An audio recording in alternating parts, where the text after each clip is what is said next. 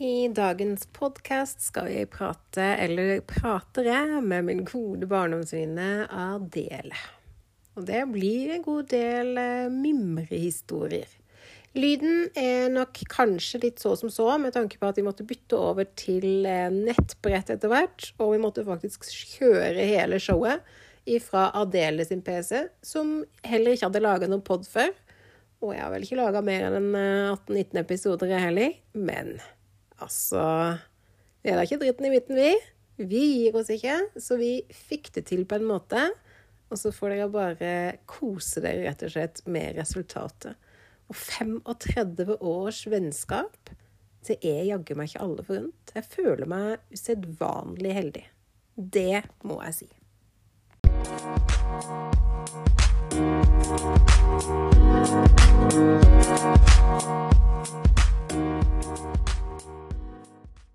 Hallo og velkommen til Josefa-yoga fra sjel til sjel. I dag er det en spesialepisode fordi i år er det faktisk 35 års jubileum. Så kan dere tenke har hun gått tilbake i alder? Nope. Dette er ikke snakk om alder, eller egentlig litt. Men det er snakk om jubileum, et venninnejubileum. For jeg har med meg min gode barndomsvenninne Adele. Og i dag skal vi snakke om barndommen, og hva det er som har gjort jeg som har den lille kretsen jeg har, at vi har vært barndomsvenner i 35 år i år. Hallo, Adele. Hei, hei. Så koselig. Ja, det gjør det. Men altså, dette må jeg jo si, og det må jeg jo forklare alle lytterne av det lovet. Fordi dette har jo ikke vært uh, en enkel jobb for oss. At du skal sitte i Arendal og jeg skal sitte her inne på Eidsvoll og prate sammen. For vi holdt på med denne prosessen på fredag i tre timer før vi faktisk klarte å få den til. Men vi klarte det. Men vi klarte det. Vi er ingen dritten i midten. Vi fløyt opp, og vi klarte det. Ja, ja, ja. Det skal vi ha. Opp. Vi aldri gi opp. Men så skjedde det noe under den prosessen. For midt inni der så blei altså dette huset solgt. Til ja. overtagelse 1. juli. Og hvis dere nå så skal jeg snart tie stille, og Adele skal få lov å komme til ordet, så er hun litt stressa over dette. Hva syns du egentlig, Adele? Eh, um, nei, for det første så er jo dette litt spesielt. Og jeg har aldri vært på noe sånn, hva kaller vi det, podcast. Podcast, ja? Ja, det har jeg aldri vært på. Så det, jeg må jo si tusen takk for at jeg får lov å bli invitert. Og det er veldig hyggelig at du vil ha en uh, litt sånn uh, virvar til å kanskje rote litt samtale til, men vi skal få det til. Helt nydelig. Jeg tror det passer helt inn. Det er bra. Men altså, Adele, nå er jo fra 1. juli Hvis vi bare skal liksom kjapt innom dette hussalget, så fra 1. juli så er jo jeg bostedsløs. Og du er jo liksom denne venninnen som har vært med meg i tykt og tynt. Ja, så jeg regner jo med at gjesterommet det er klart når tilfellet skulle være noe, eller? Ja, og de har fire buer på utsida. Som du kan få fred i hverdagen, men du skal få lov å få en god, varm seng med tak over hodet om natta. Så jeg vet at du er trygg. Jeg tror det er helt nydelig. Kan, ja. Du har jo vært litt innom at uh, hengekøye og sånn, men kanskje på sommeren så er det jo godt og varmt. Men ja. når vinteren og høsten kommer, og hvis du fortsatt er på ja På jakt. Så eh, vet du hvor jeg bor hen. Vet du hva, Alltid velkommen. Jeg er så glad for det. Og så skal jeg da, vet du, når jeg er i det store utland, selvfølgelig eh, huse dere når dere kommer nedover. Ja, det er det minste, altså. Ja, det er det, det er det minste. Herlig. uh, ja. Nei, men vi kan jo begynne å snakke litt om uh, hvordan vi ble kjent. Ja. Vil du ta den, eller? Ja. Jeg kan starte. Ja, supert. Eh, så bor jo jeg i Arendal, eh, på Sørlandet. Og eh, gikk på en skole som heter Spinta skole. Og i andre klasse så kommer det inn en ja, liten krølltoppa jente. Rett den gangen. Da var hun kort på håret og krut i krut, som jeg kaller det. Ja, det er sant. Hun har alltid vært litt sint og frustrert over det her håret sitt. Mm. Det har du jo, men det er en annen historie. Det har du. Eh, men så kom hun, og hun fikk plass to, to eh, pulter ved siden av meg. Og da egentlig de tok vel eh, ikke så eh, lang tid før vi begynte å eh, prate sammen. Og jeg, jeg, må jo si, jeg har jo vært den som Ja, ingen skal få lov å stå alene. Mm. Og jeg tok ganske rask kontakt, og vi ble egentlig veldig gode venner. Var hjemme hos hverandre og ja, skal jeg si, vi har kjent hverandre siden andre klasse. Og siden ja, nå blir vi jo 43 i år, og vi var åtte år gamle den gangen. Og Ja. mye har jo skjedd. Jeg er sikker på at du kan ha skrevet et helt leksikon. Å, herregud, mange bind. Ja, gud. Men eh, vi kan ta noen utdrag, men det kan vi jo komme tilbake til. Ja, det kan vi komme tilbake til. Men det er altså starten på denne historien vår. Det var der det hele starta. Og som du sier, du var en venninne som tok veldig eh, eh, kjapt kontakt, og var veldig sånn der åpen og ville virkelig bli kjent. Og det var nok enklere for meg, som nok var litt mer tøff av meg og litt mer inneslutta. Ja. Men på godt og vondt så har du dine myke sider også. Jeg har mine lyse øyeblikk, og langt nedi der så er det en myk grøt av et hjerte. Du har helt rett Adele. jeg tror jaggu vi må ha litt musikkinnslag på.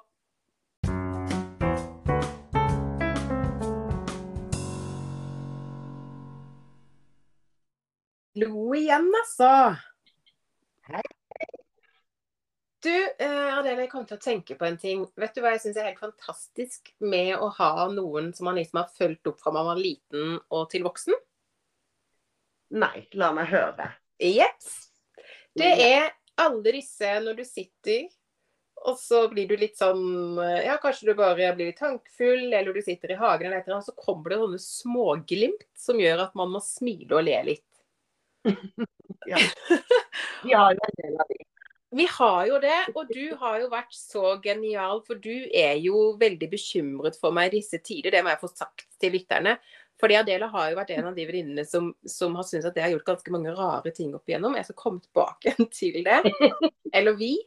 Uh, men hun har jo også Jeg har liksom blomstra mer og mer som den bohemhippien jeg har boende inni meg. Så har hun tatt mer og mer kontrollen, for dette synes hun av og til går litt over stokk og stein. Så når jeg spurte om hun kunne være med i podden, så vet jo folk at jeg har jo ikke noe manus. Men Adele, vet du. Hun hadde lagt den natta og laga manus. Hæ? Ja, jeg, er litt redd, for du har jo så mye å tenke på. Ja.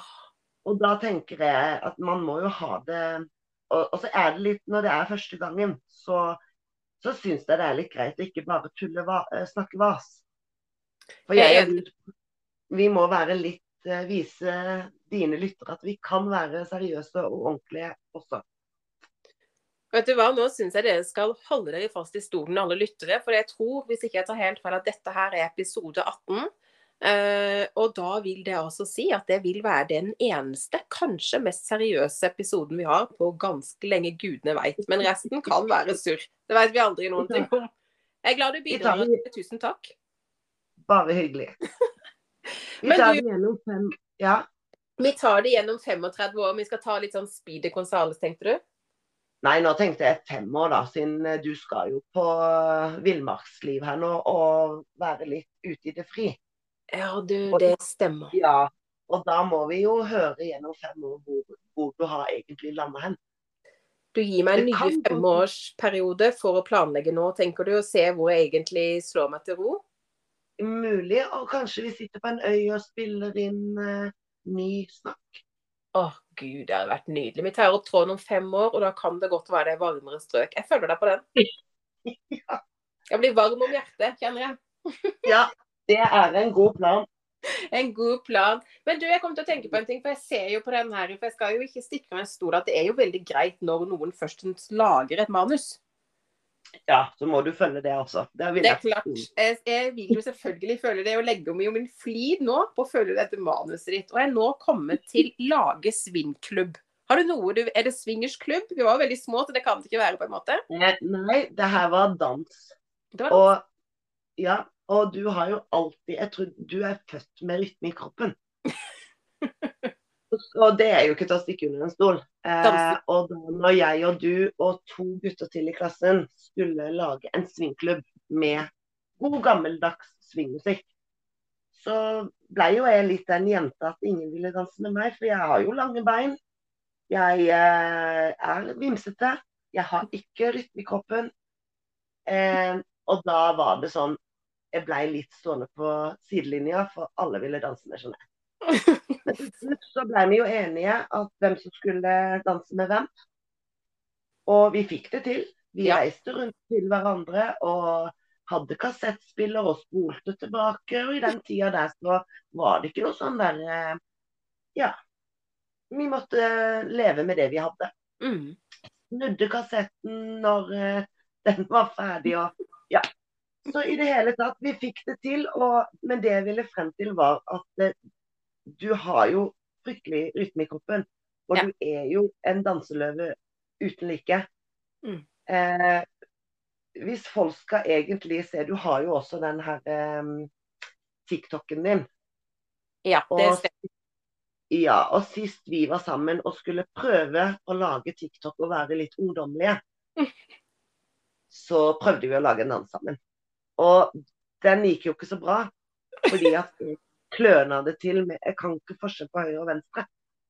Og, men du, er, du, har tålmodighet når det gjelder å lære bort ting. Det har du. Så det jeg ville frem til, er at du har fryktelig eh, rytme i kroppen, og du er fantastisk til å Ja, skal jeg si Nei, du, du er bare ekte. Tusen hjertelig takk. Så koselig. Ja.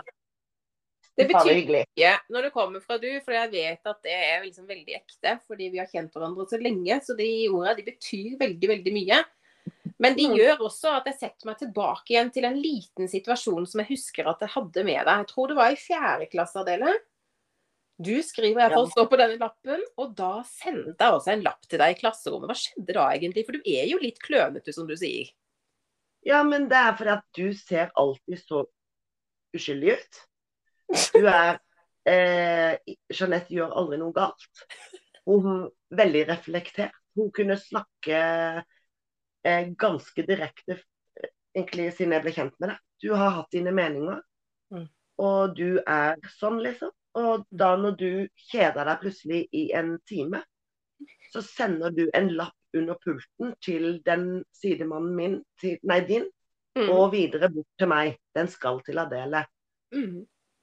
Og på den lappen så står det eh, 'kjedelig i timen'. Mm -hmm. Så svarer jeg på Da snudde man jo lappene. Og så skrev jeg på baksida 'læreren er dum'. Sender den tilbake, og jeg blei tatt. Litt klønete. Kanskje gjorde det ikke så diskret som du gjorde. Det det endte med, var at jeg måtte opp og stå foran klassen og si hva sto det på lappen. Jeg, jeg, prøvde meg å si det var Jeanette av, men det spilte ikke noen rolle. Det var meg som var blitt tatt.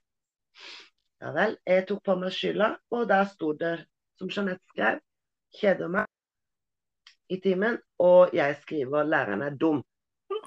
Så sier læreren ut på gangen, og jeg måtte stå i to timer Nei, i to timer i straff. Og melding hjem til min mamma og min pappa. Ja, jeg beklager. jeg beklager jeg ga deg de to minuttene. Jeg syns det er litt morsomt, skal jeg være helt ærlig. For Adele er jo da den, På den tida Adele, når vi var små, så hadde jo du langt, lyst hår. Eh, ja. Og, og, så jo liksom ut som et lite uskyldig barn.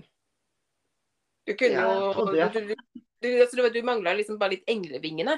Mens jeg var liksom rake motsetning. Så åssen jeg liksom klarer å sette du i disse vanskelige situasjonene, og noen tenker liksom at du er den som er ansvarlig jeg, Unnskyld meg, men jeg, min lille unge stesøster ler like mye hver forbanna gang. For husker du den gangen vi var på husmorsferie i Tyrkia? Det var et så. Hva skjedde, hva skjedde egentlig da når vi skulle hjem igjen fra den turen? Så hadde vi litt overbagasje da, vet du. Eh, ja, Jeanette, du er jo sånn som eh, liker å handle litt og Ja, og, og, og, på den tiden Jeg var veldig glad. Jeg har jo tvillinger sjøl. Og eh, du vet, jeg er jo ikke den som har hatt eh, beste råd. Eh, men som Jeanette sier, vi kan eh, handle klær. Det er så billig i Tyrkia. Ja, 20 kilo, det er lovlig. Ja. ja men enden på visa, vi handla jo vi handla jo klær til barna våre. Ja. Eh, og det var veldig stas for barna. For det at, du vet, nå er det jo veldig fokus på merkeklær, og alt skal være så fint og flott. Altså, vi handla med oss det mest ekte du kunne få ta. Unnskyld tollvesenet og alt andre, det er jo egentlig ikke lov å snakke om det. Så hvis du kan hvis du skal fort forbi dette, Adele Så skal jeg ikke være så ærlig. Nei, det er fint. Enden på visa var at Jeanette slapp å betale toll, og Adele måtte betale toll. Husker du det? Det du betalte var egentlig overvekt. Vi kom på flyplassen, og så var det overvekt. Det vi begge ja. to hadde overvekt. Uh, men Adele var altså Og hun hadde mindre overvekt enn meg. Men vi sto i hver sin kasse. Og det er klart, jeg fikk jo en mann, og, og benytter meg jo selvfølgelig av å prate mest mulig så han blir forvirra. Det glemte Adele. Så hun måtte Du har dine triks, du. Hva sa du? Du har dine triks, du. Du vet hvordan det er å reise, litt. du. Jeg gjør det du bare glemte å fortelle meg det. Det er sant, jeg glemte å gi deg info. Nei, gud, nå må vi ha musikk.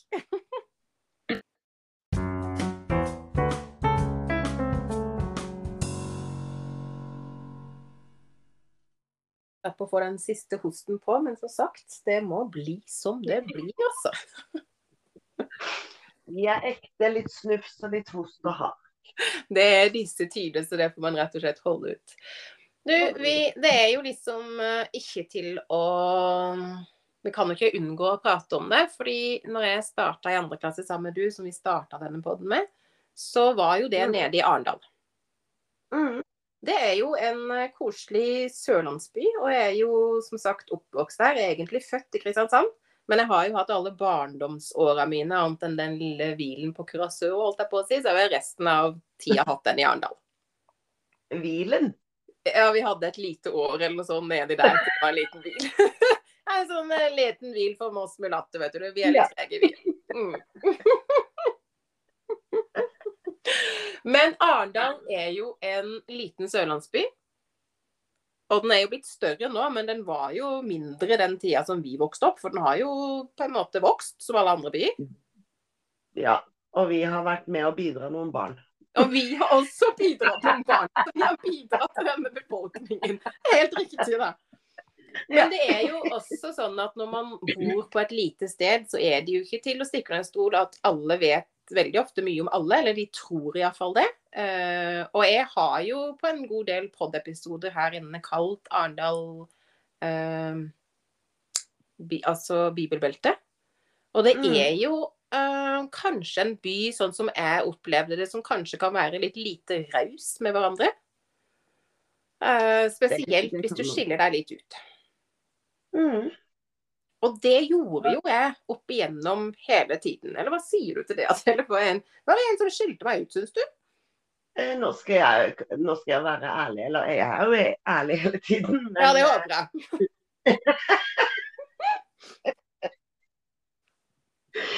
Sant skal sies at du skilte deg ut ganske fort. Mm. Du har hatt dine evner, og du eh, har ikke vært som eh, mange andre. Mm. Eh, det kan være at eh, på våre eh, ungdoms-barneår så var det ikke så lett å si ifra. Man eh, dømte kanskje fortere enn man tørte, eh, tørte å si du er sånn og du er sånn. Mm. Eller gå og snakke og spørre sjøl hva skjer med deg. Mm. Eh, jeg kan nok si at, eh, og det gjør man fort fortsatt, dilter etter andre. Mm. hvis ikke man kan stå og snakke for seg sjøl. Eh, for mitt ståsted med deg og meg og våres rundt, så har det til tider vært litt vanskelig for meg òg. Mm. Eh, og det er på grunnlag at eh, istedenfor å spørre deg sjøl, så kommer de til meg. Ja. Hva skjer med Jeanette nå? Ja. Hvorfor er hun sånn? Hva gjør hun nå? Mm. Hvorfor gjør hun så mye rart? Mm. Og da blir det litt sånn Man blir automatisk mellommann. Mm. Eh, og det er klart eh, Jeg kan òg, som du har sagt eh, tidligere i denne poden, vært veldig bekymra. Ja. Det er sant sies. Eh, jeg kan ikke legge skylda på du at jeg har fått grå hår på hodet, men, men eh, det har jo vært sant, og jeg har vært ærlig med de at dere må jo kanskje av og til spørre henne sjøl. Mm. Det er ikke så enkelt når du eh, kanskje har sagt de passer ikke inn i livet ditt. Mm. Du kan ikke ha det sånn. Du blir sliten av å ha sånne mennesker rundt deg. Mm. Det er en grunn til uh, du flytta for 14 år siden. Mm. Du valgte å ta et standpunkt med dine barn at nå flytter vi for en Mm. ny start.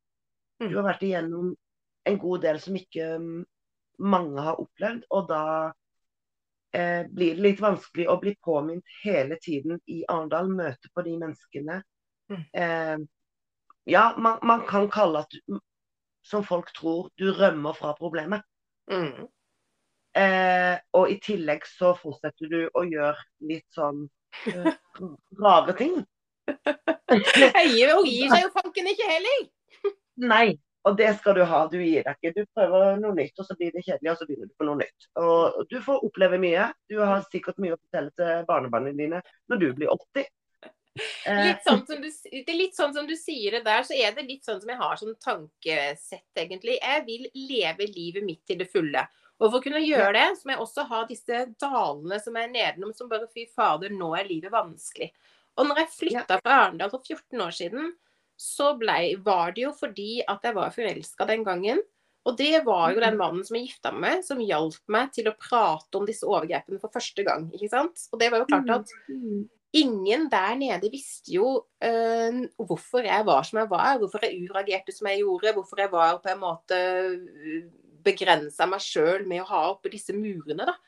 Og så er det nok kanskje litt uvanlig, som du er inne på òg, at når jeg føler en sjel som har vært inne i livet mitt, og jeg kjenner bare at dette tapper meg sjelsmessig eller energimessig, ja, men da kutter jeg båndet. Og det er kanskje litt unorskt å gjøre det. At man kanskje er veldig sånn Nei, men gud, det er jo en venn, jeg må holde på, holde på, holde på. Men det er ikke den formeninga jeg har av livet. For jeg tenker at det kommer mennesker inn i livet ditt som skal lære Mm. deg ting. Og av hverandre, selvfølgelig. Enten på en god og dårlig måten, uansett. For egentlig så er det jo ikke noe godt og vondt, hvis du skal se sånn på det, da. Universet, som jeg syns. Men, Det er sant. men det er jo noe med den lærdommen som en trenger å få med seg i livet. Og, men jeg trenger jo ikke å sitte og holde på en daud skjære som ikke gir meg en dritt. Altså, er for å kaste den daue skjæra, holde ut handa og vente til det setter seg en levende spurv som jeg kan snakke med og ha det gøy med. Der er jeg. Jeg er med der. Men kan jeg få lov å si noe? Ja, det er- plass til du nå, ja. Men et par minutter på meg, så nå er det, ja, det er plass til du. Vær så god. Eh, jeg tenker som så du, du er jo ærlig, og du er opprik, oppriktig. Og Mm. du Jeg har visst i mange år om dine overgrep. Mm. Jeg, du, du har fortalt meg det, men jeg har ikke sagt det til noen. Mm. Eh, det er ikke sånn man går og snakker om. Og da når felles venner av oss kanskje kommer og spør hva skjer med deg nå, Mm. hvorfor gjør du ditt, hvorfor gjør du det, Mm. så er det sånn Jeg vet sannheten, men det Mm. er jo ikke sånn man går og snakker om i barndomsåra. For det var jo ikke sånn som skulle skje på den tiden. Nei. Nei. Og da blir det Istedenfor å, å spørre andre, så bør man kanskje lære seg litt å gå til den personen det gjelder, da. Ja, jeg tenker, jo, jeg tenker jo det. Men som du sier, det var jo ikke så mye fokus for dette på 25 år siden. Liksom. Så jeg kan jo liksom forstå det på en måte. Men allikevel så er det jo enda litt sånn Jeg er jo en veldig fri person. Jeg har jo eh, snakka veldig mye om hva jeg mener, uten å legge skjul på det. Ja, Begynte ikke du med foredrag en stund? Jeg hadde foredrag, og det har jeg jo fortsatt, men jeg måtte jo legge det, legge det litt på vent med grunn av coviden. Ja. Men det har jeg, og disse tingene her gjør jo at jeg, Det gjør jeg jo fordi at jeg ønsker at ikke det skal være tabu. Jeg tror at ved å Mm. dele ting og prate om ting, så tror jeg vi mennesker kommer mye lenger. For jeg tror ikke at det er sånn at eh, vi er så unike som det vi skal ha det til. Vi er unike på en måte og at vi er helt eh, ekte på vår egen måte. Men det er ikke sånn at eh, Oi, det er det ingen som har følt på. Eller så, oi, jeg er helt alene. Jeg tror ikke du er helt alene, men jækla følelse skal være enig. Mm. Fordi det er liksom noe har følt det før deg, da. Ja, det, det tror jeg òg. Og det, det er som jeg sier, at eh, folk antar og tror ganske lett om folk. Mm. Og, men når, når, når du er ærlig i voksen alder og forteller hva du har vært igjennom, Mm. eh, så tenker jeg at ah, Det er kanskje lett for meg å si som har kjent deg så lenge, men eh, da tenker jeg da forstår jeg hvorfor Jeanette har vært som hun har vært. Mm. Hvorfor, hvorfor du eh, har gjort det du har gjort. Hvorfor du har vært så streng som du har vært og sagt ifra. Du kan Mm. rase fra deg. Du har det her eh, som alle vet, litt sånn tokter når du en gang i måneden. Du, du, det, det var nyttesløst å være sammen med deg, på ærlig vis. Mm. Du, du var sinna som en uh, tyrker. Du, alt vi sa, eller jeg sa, det var bare dumt og teit, og nå kan du bare gå hjem. Ja, men jeg skulle jo være hos deg i dag. Nei, jeg orker ikke. Og da måtte jeg jo bare gå hjem igjen, da. For det, det nytter jo ikke å komme på besøk til Jeanette. For hun var Tina. Alt var galt. Ja. Så, og den har du jo dratt med deg videre. Du er jo, du er jo en tyrker, eh, PMS som du kaller det, én gang i måneden. Og Ja. da lærer man å kjenne deg. Ja, man gjør det. Og jeg er, jo, jeg er jo veldig ærlig på det at det er jo en tid hvor jeg gjerne vil være alene. Stå i et hjørne og kaster sjokolade på meg og forsvinne herifra. ikke sant? Det har, da blir jeg enda mer direkte. Og det er klart at når disse følelsene kommer, og disse hormonene, for det er hormoner jeg på en måte ikke tåler så godt i kroppen min, eh, så er det vanskelig også i denne perioden å holde det humøret mitt oppe og det mentale oppe. da. Så jeg, har en del demoner å bekjempe akkurat i disse tre-fire dagene når det kommer. Ja. Men samtidig Men du vet meg, du vet, jeg som har kjent deg i 35 år, ja, jeg har også noen skjulte triks hvordan eh, du skal bli blid. Selv om du har den der eh, uka di. Vet du, du er jo en klovn, så det skal jo litt Ja, men det, det skal jeg holde litt tett til brystet, jeg. Og så skal Ja. jeg Jeg har mine triks åssen du skal bli blid. Ja, det er veldig godt, ja. Men så er det jo sånn at det er jo ikke til å stikke under en stol at jeg på en måte er jo en rar person. Rar for meg er et veldig positivt uttrykk, så at det er sagt. Det vet de som kjenner meg. Eh, Men jeg gjør jo mye rart. Jeg setter jo i gang mange ting som jeg liker. Jeg elsker jo å leve på den måten. Kunstnerhuet mitt elsker det. Ja. Men det er jo klart at tilbake til det kunstnerhuet, det er jo en del som jeg ser kunst i, som du ser noe helt annet for. Jeg har jo posta noen lettkledde bilder opp igjennom på Facebook og andre sosiale medier, men jeg, jeg tar vel ikke feil når jeg sier at for du så er det ganske myk porno, eller hva? ja, det kan vi være enig i. Jeg trodde det var klikka for deg en periode. For jeg tenkte det Så veldig mange, og det er jeg nok ikke alene om Mhm. eh, mange tenker nå, nå snakker jeg eh, fra hjertet. Og det er at når du går ut med sånn en sterk eh, eh, eh, Hva heter det? Sterk historie om Mm. hva du har opplevd. Ja. Det er deg og din kropp som har vært utsatt for noe. Mm. Og plutselig så dukker det opp i media Ja. et nakenbilde. Ikke det at man ser noe, Nei. men så tenker jeg at hun tør. Ja. Hvorfor gjør hun det? Hvorfor Ja. vil du vise din kropp når du har vært utsatt for noe vondt? Mm. Den tanken kommer ganske fort. Ja, skal jeg svare? Fordi Ja. ja, I mange år, fra jeg var tolv år, jeg lærte jo ikke å ha sex på min måte å ha sex på. Det lærte jo overgriperen meg. Ikke sant? Ja. Eh, jeg lærte jo ikke å ha det forholdet til min kropp. Det lærte jo overgriperen meg. Han lærte jo veldig godt at, fort at min kropp var seksualisert. Det var jo ikke bare en kropp fra jeg var tolv år. Når jeg tok veldig mye av min terapi, i tillegg til at jeg tok eh, så mye skole fordi at jeg selv måtte gjennom terapien på skolen før jeg hadde veiledning på andre, og det lærte jeg så mye av, blei så sterk og bygde så mye, at det jeg ser på med kroppen min nå, det er at jeg bestemmer over kroppen min. Og for meg er kroppen min kunst. For første gang i livet så kan jeg se meg i speilet og si jeg syns egentlig at dette her er kunst som jeg liker. Jeg Mm. starta min ferd med å ikke ha kontroll over min kropp, med å ikke bestemme over min kropp. Når jeg legger ut et nakenbilde nå, så er det, eller et aktbilde, da, som ikke viser noen Mm. ting, som du sier, så er det kunst for meg. Og for meg er det en seier for hver gang jeg kan gå ut med Mm. hånda på hjertet og gjøre det med en god følelse og vite at ja, men det her er det meg som har valgt. For jeg Mm. valgte ikke de gangene den grisen kom inn på det soverommet mitt. Men nå er jeg voksen, og nå skal jeg faen meg velge. Og det er litt det samme som Mm. at nå skal jeg fanke meg ha et godt seksualliv. Og det vil jeg lære meg. Så de to tinga, være glad i kroppen min igjen og meg selv, og ha et godt Mm. sexliv, det har stått så på høyest lista mi, og der er jeg. Og jeg er fader døtte meg så fornøyd med det. Ja, du er, du er flink. Og det er jo veldig rørende å høre på. Og jeg tror nok du fikk eh, Ja, ga ganske mange svar til mange som tenker mye. Mm. Og du gjør det jo bare med det beste, for å si det sånn. Men eh, det at folk kan sitte og bare Du blir eh, dømt. Du, Jeg du tror sitter det- og ser på et bilde, Ja, og så dømmer, dømmer folk. Og jeg kan inkludere meg sjøl. Jeg tenkte, men jeg spurte deg hvorfor tør du? Mm, mm. Og jeg, jeg tok den telefonen og Mm. ringte og spurte. Og jeg lika ikke. Nei. Jeg, jeg, jeg lika ikke akkurat for jeg ble redd på dine vegne. Nå Mm. er det klikka for deg.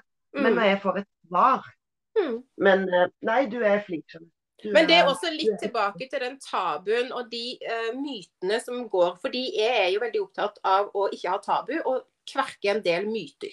En del Mm. myter som går, er at de som har vært gjennom seksuelt misbruk, de hater kroppen sin hele resten av livet sitt, og de kommer aldri til å få et godt seksualliv. Du er og- kommet langt.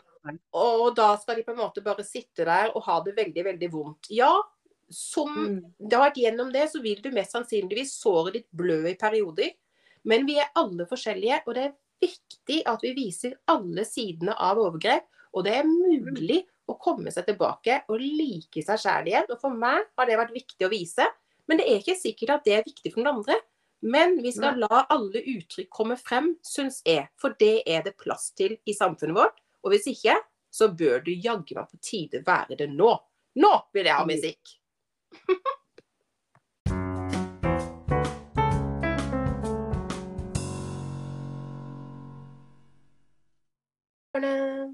I denne podkasten har jeg også snakka med min gode barndomsvenninne Adele. Og i den forbindelse så er det jo klart at når man har kjent hverandre i så lang tid som det vi har gjort, 35 år, i år altså, for et jubileum, så har vi jo også noen alternative historier sammen. Og pappaen til Adele dessverre gikk bort så altfor tidlig for en del år siden. Og jeg vet at vi har noen alternative historier sammen angående det, og jeg har spurt om ikke Adele kan dele noen av de i det alternative hjørnet, og egentlig andre som hun vil. Så ordet er ditt, altså. Tusen takk.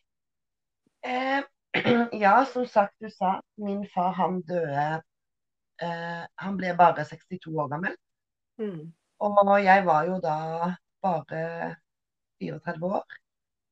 Og da må jeg jo si det er jo godt å ha den tryggheten med at ja, du har jo en eh, venninne som Vi kan prate litt sammen, og jeg har mange spørsmål, og du må forklare meg ting. og jeg har nok vært, for å være helt ærlig, en jente som har tenkt det er ingenting som skjer etter vi er døde. Mm. Så, eh, og det har nok noe med at jeg har ikke fått oppleve det eh, så tett innpå meg sjøl, da. Mm. Men det var noe som skjedde når pappa døde. Eh, eh, mye rart begynte å skje. Eh, det var noe jeg aldri hadde opplevd før. Eh, mine barn eh, opplevde en del. Eh, jeg hadde jo da kommet Ja, pappa døde året før jeg traff min mann. Og hans sin pappa eh, for det første hadde jobba sammen med min pappa, noe ikke vi visste om. Begge var drosjesjåfører. Så det tenkte vi, oi, det var jo skjebne. Mm. Så begynte jeg fra første jula. Det er jo en liten søt historie som jeg har fått smak på, men jeg syns fortsatt det er rart. Mm. Men jeg har alltid elska lakris i eh, Twist-posen. Ja. Det er min vern om din favoritt, og det er min. Mm. Eh, neste jula vi skulle feire uten vår far, så satt eh, mine søsken og min mamma og egla. Det var én tyst igjen. Ja. Eh, de kasta den rundt litt på bordet, og jeg fikk jo litt abstinens, og det den skulle jeg ha. Men til slutt så spiste min mamma lakrisen opp, og den fikk jeg ikke. Det her var som sagt på julaften, og jeg skulle til Kristiansand på sykehuset eh, da, eh, første dagen som det var åpna, eller sånn hellig. Nei, eh, hverdag. Mm. Eh, jeg fikk med meg min eh, mann. Han kjørte. Det var vinter, det var kulde ute, det var minusgrader, og det snødde som himmelen var åpen. Mm. På vei bort så fortalte jeg denne historien, hva som var skjedd på julaften, til min mann. Og vi kjørte bort. Jeg gikk inn det jeg skulle gjøre, og vi måtte jo da ut igjen og eh, pakk, eh, betale på parkeringsautomaten. Og den står ute. Det var minus syv. Og så sier Fred Rune at se opp. Og jeg er litt klønete, ser opp i himmelen. Nei, du må se litt opp på automaten. Og min far, det er det ikke så mange som vet, men han var veldig Hva heter det? Eh, nøye. Mm. Det skulle være fra ende til annen. Og midt oppå den automaten så lå det en myk lakris. Og det var syv minus? det var syv minus, og den var myk. Mm. Og min mann har heller aldri opplevd noe, men han har begynt å oppleve ting etter han ble sammen med meg. Mm. Eh, etter min fars død, og hans pappa er jo gått bort. Mm. Så eh, vi har funnet ut at konklusjonen den må jo bare være at de sitter oppe i himmelen og lager litt apekattstreker for oss. Men den, den myk, det er sånn vi tenkte, trodde ikke på noen ting. Eh, Det her var bare tilfeldig. Vi syntes det var bare litt rart at jeg forteller historien til min mann innover i syv minusgrader og snøvær, og når vi kommer ut igjen, så ligger det en myk lakris der. Det eneste jeg tenkte, han har vært inne, og vi har jo lært, vi skal ikke stjele, men han har vært inne på Narvesen og henta en lakris, for han har faktisk hatt vondt av meg, tenkte jeg. Så kom jeg hjem og måtte jo ringe da, du Jeanette, med en gang og fortelle hva i himmelens navn skjer her nå. Kan du gi meg et svar? Mm. Du, må, du må bare prøve å koble deg på. eh, eh, du sa bare vel at eh, det er din far som er rundt deg, han passer på.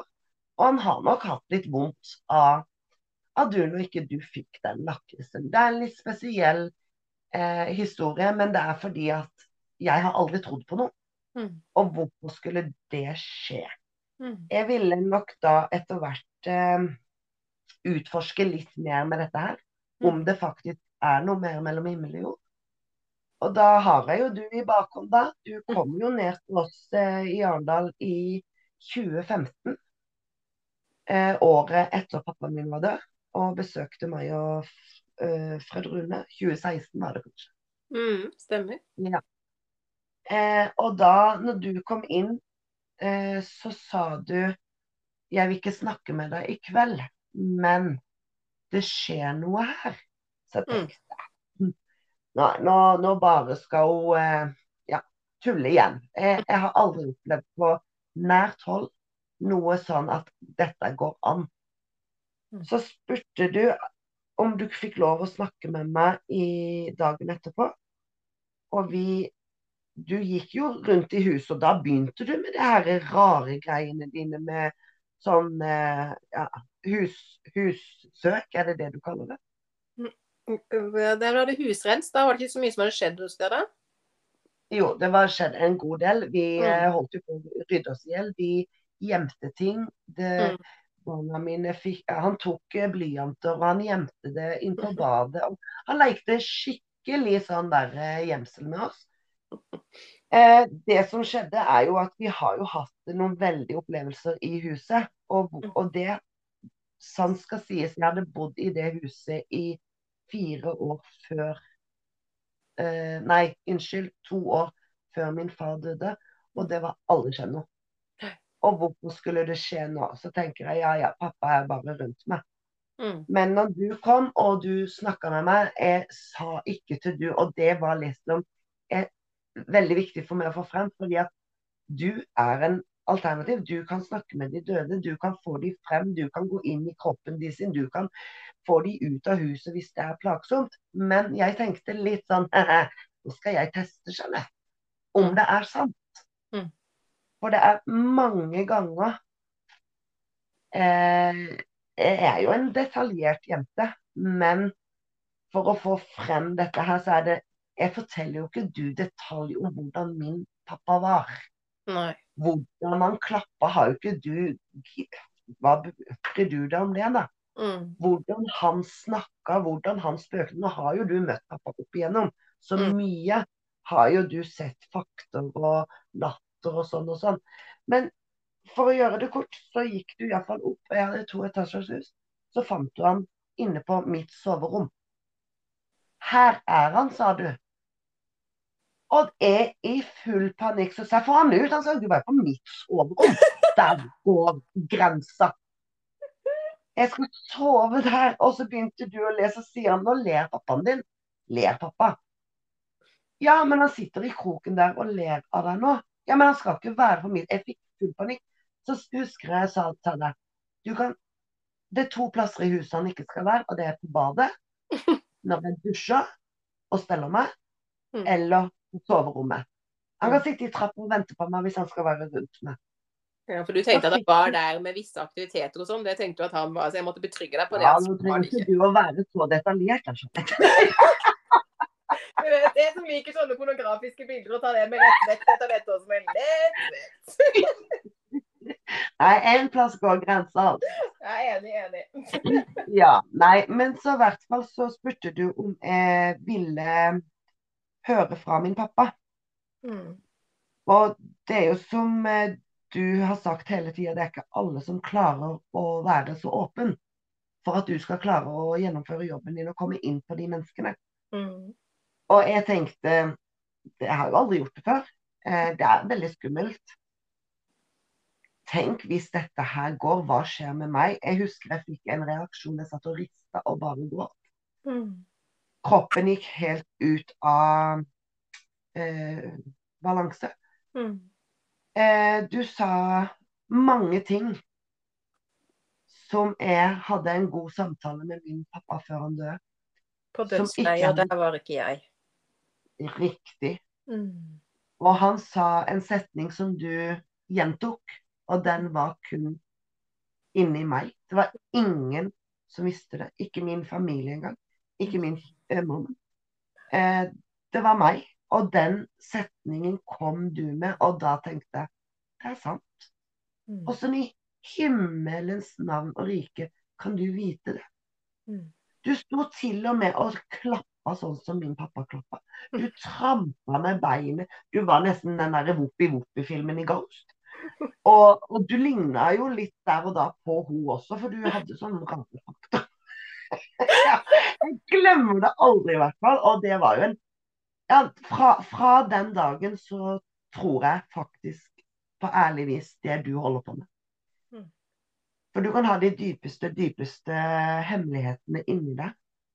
Noe du angrer på, noe du eh, ja, har gjort som du skammer deg over, noe du har snakka med andre om som Og så er det litt sånn Hjelpes meg vel, har jeg en venninne som kan lese tankene mine? Nei, det går ikke. Du trenger ikke å ha greie på alt. Nei, det skal jeg slippe.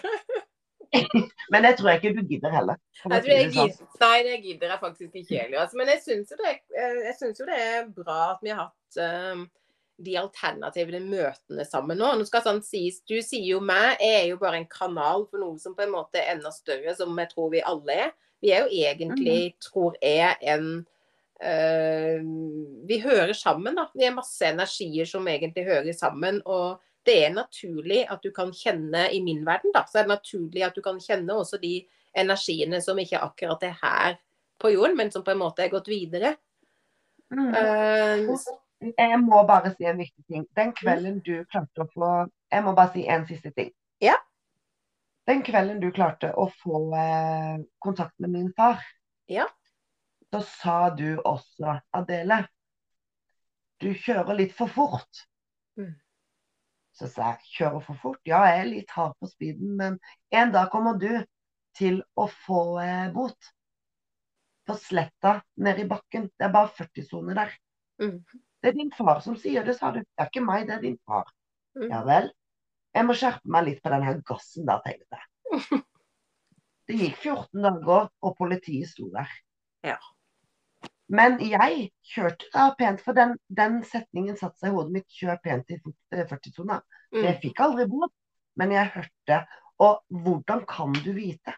Det, nei, det er litt rart, men, men det, det er sant. Mm. Det er eh, helt utrolig. Og jeg er ei jente som ikke har trodd på en ting. Nei, du har nok vært en av de som har på en måte vært litt skeptisk, og det tror jeg man skal være òg. Det tror jeg på en måte er veldig, veldig godt at man er, tenker jeg. Mm. Men når man først får merke det litt på kroppen og litt sånn Ja, de, de fortsetter, men jeg vil fortsatt ikke ha ham bort. Han Mm. gjør mye rart her. Han, han eh, ja, er med oss. Det er jo hvis vi er gørrtrøtte om kvelden, kanskje har tent litt lys. Det var jo en episode vi hadde lagt oss, og så hører vi noe dunk i veggen. Det er sånn Hva skjer her nå? Mm. Og jeg går og kikker og Nei, da hadde jeg glemt å blåse ut alle lysa. Og jeg kjenner min far. Han var sånn «Eh, Du skal ikke forlate noe før du går og legger deg. Du Nei. skal dobbeltsjekke helt ti ganger. Mm. Og da tenker jeg at han passer på. Mm. Så Og der kommer du egentlig til noe som er veldig viktig. For det er jo noen som sier ja, men det er så irriterende av og til. Sånn. Og ja, men det var jo litt irriterende av og til når du på en måte sjelen deres var jordlig sett òg, da. Vi var på jorda Mhm. her, Det var ikke sånn at vi alltid syntes at de som er gått bort, var kule hele tiden. Selv om det er lett å tenke det når det går til himmelen. Vi glemmer liksom alt annet. Men, men Mm. alle har jo liksom alle sidene, og det vil jo også komme frem når sjelen på en måte går videre. Sånn som eh, Ja. Og jeg tenker at det er på sin plass at eh, ikke Mm. faren din slo deg litt i bakhuet når du glemmer levende lys nede i stua. Det syns jo jeg er ganske utrolig. Jeg hadde kasta deg ut av senga, hadde jeg vært faren din. ja, det hadde du nok. For du er litt sånn Du gjør det hakket verre enn alle andre. Men på en måte så er det trygt og godt å ha han rundt her, og jeg vet han er her. Ja. Um, og han holder jo fred. Det er ikke sånn at ting skjer hver dag. Men når det skjer noe spesielt, Mm. da er det litt sånn Å ja, men det er ikke farlig. Eh, og det er vel kanskje det jeg har kjent litt mest på. Det er den frykten. Ikke Mm. vis det. Ikke Mm. ta på meg. Ikke, Mm. eh, men det har skjedd. Han har strøket på meg hvis jeg har vært lei meg eller vært i en vanskelig situasjon. Mm. Så har han faktisk Akkurat den klappen på skuldra har jo vært der. Men på en måte så vil jeg jo ikke ha han vekk heller, da. Det vil jeg ikke. Så lenge han holder kan holde fred og rydde opp etter seg, for han roter fælt. Selv om han var veldig patentlig, så Men jeg tror han gjør det for å Som jeg tenker, da. Mm. Er at han skal vise at han er her, da. Også. Ja. Mm. Jeg syns jo det er nydelig historie, og så syns jeg jo at det er veldig nydelig å høre på. For i dette her så hører jeg jo også at man er jo ganske um, hva skal jeg si, heldig når man fortsatt kan kjenne at far sin smeiker over kinnet, og at man klarer å kjenne det. For du er jo også blitt mer på det der at du klarer å kjenne da. og det syns jeg er veldig koselig. Ja. Og det er nok eh, du som egentlig har fått meg til å eh, forstå Eller at det er ikke farlig, det er trygt. Mm. Men det er noe når man mister de nærmeste, og så vil man så gjerne Og han var jo ung, Mm. jeg Absolutt. var ung. Du Mm. mister en farsfigur. Hvem skal du snakke og kjefte med nå? Hvem skal du få ut frustrasjonen til nå? Det var liksom Han var en god ramme, men det er klart, vi er jo fire søsken, og det er litt urettferdig at ikke han kan fordele litt, da. Det Ja. må jeg jo si. Han kan godt gå til de tre andre jentene også og si her nei. Men der kommer litt den der innpå at kanskje ikke de er så åpne som Mm. det jeg er. Mm. Så tror det har noe med det, og det er klart at Vi er jo i et samfunn hvor ting går veldig fort. Det er veldig mye teknologi, det er veldig mye TV. og det er klart Disse skjermtingene som vi holder på med, det er ingenting som dreper dette med connection til den andre siden verre enn skjermtid. Så det er klart at vi mennesker fjerner oss jo dessverre mer og mer fra det her med å kjenne innover. For det er jo det det dreier seg om. Det å kjenne og faktisk tørre å kunne lytte, da. Ja. For det bruker vi ikke så mye tid på, dessverre. det er sånn. det må vi skjerpe oss på. det må vi skjerpe oss på, altså. Men Adele, Ja, jeg er bare utrolig glad for at du ville være med i en episode på podden, og i det året vi har 35-årsjubileum. Det syns jeg er veldig spesielt. Og ja, vi skulle jo på spa, har du lovt meg. Ja, vi skal på spa. Så det er, vi skal kose oss før jeg flytter uh, fra dette huset som er Ja. solgt. Så første, før 1. juli så skal jeg og Adele på spa og feire dette eh, 35-årsjubileet. Ja, det må vi feire, vet du. Jeg gleder meg masse. Du, tusen Ja. takk for at du er i livet mitt. Jeg er utrolig glad i deg. I like måte, og tusen takk for at jeg fikk lov å bli spurt om å snakke litt om det å være venner og holde sammen. Ja, tenk det. Ja. Og har er man, som vi sier, har man bare én god venn, så er man ekstremt heldig. Det er sant. Man trenger ikke mange for å ha det bra. Nei. Du, Nei. tusen takk for noe. I like måte så får du ha en fin dag. I like måte, vennen. Ha det! Ha det.